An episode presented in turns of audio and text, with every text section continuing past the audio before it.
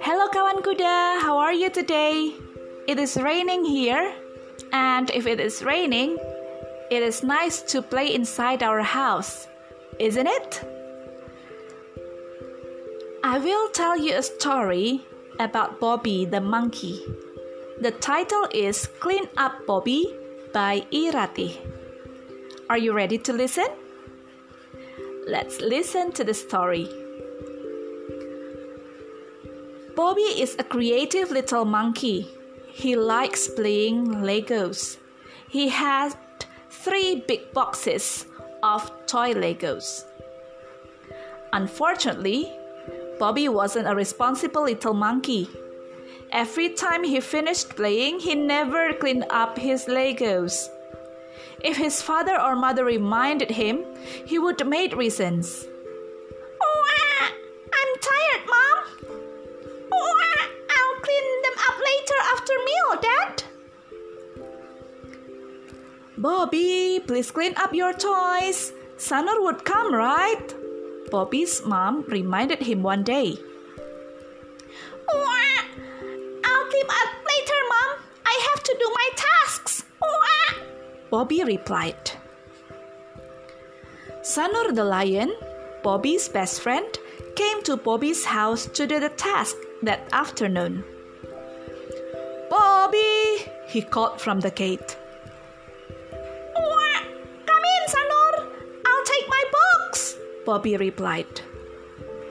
Sanur went into Bobby's house and suddenly he screamed in pain. Ouch! Ouch! Ouch! Ouch! Bobby and his mom ran to Sanur in a hurry. There was a piece of Lego stuck into Sanur's foot. Tears gleamed in Sanur's eyes. It was clear that this little lion tried his best not to cry. Bobby's mom took a pincet and herbal oil. In a very short time, the Lego, which was actually broken so that it had a sharp tip, could be taken off from Sanur's foot. Oh, ah, ah. you're a brave lion, Sanur. You didn't cry out loud. Oh, ah, Bobby's mom praised as she applied the herbal oil onto Sanur's foot. Bobby felt guilty. He sincerely apologized to Sanur. Of course, Sanur gave him an apology. Saying nothing, Bobby's mom patted Bobby's back. Bobby cleaned his Lego toys and put them back into the boxes. After that, Sanur and Bobby worked on their tasks. When they had done their tasks, they ate some snack and spent some time to play with the Legos. They cleaned up for sure.